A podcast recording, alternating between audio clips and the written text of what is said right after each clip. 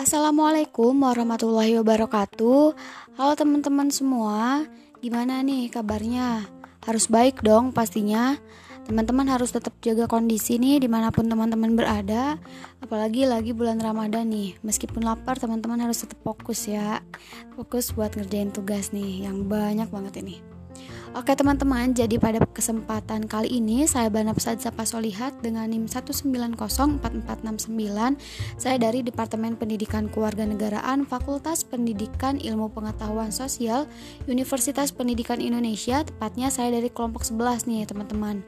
Jadi saya akan memberikan tanggapan kepada kelompok 18 terhadap tugas chapter report dalam mata kuliah Pendidikan Ilmu Pengetahuan Sosial dengan judul chapter yaitu Belajar Mandiri sebagai sebagai pengembangan profesi untuk guru studi sosial pemula.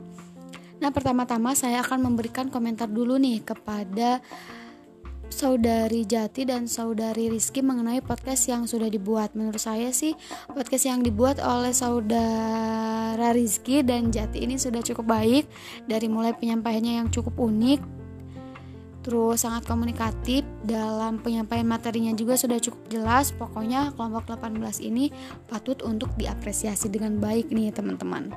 Untuk salindianya sendiri sih menurut saya juga sudah cukup bagus. Animasi yang digunakan sudah sangat menarik.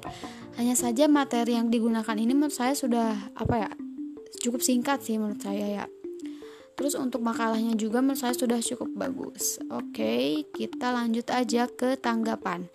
Mengenai tanggapan saya terhadap materi ini, jadi kan bab ini membahas mengenai cara penyampaian materi ilmu pengetahuan sosial, yang mana dikatakan bahwa pembelajaran akan lebih baik jika disampaikan secara naratif dengan menghubungkan dengan hal-hal sosial.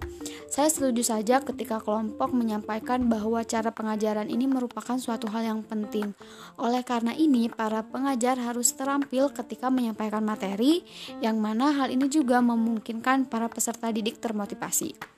Yang mau saya tanyakan nih kepada kelompok 18, menurut kalian di era zaman sekarang ini, cara mengajarkan seperti apa sih yang harus dilakukan agar para peserta didik ini dapat berperan aktif dalam pembelajaran? Dan mungkin kelompok 18 ini bisa ngasih nih tips dan triknya bagi guru pemula untuk e, cara mengajar yang baik dan benar. Mungkin cukup sekian komentar, tanggapan, dan pertanyaan dari saya. Kurang lebihnya mohon maaf. Wabillahi taufiq wal hidayah. Wassalamualaikum warahmatullahi wabarakatuh.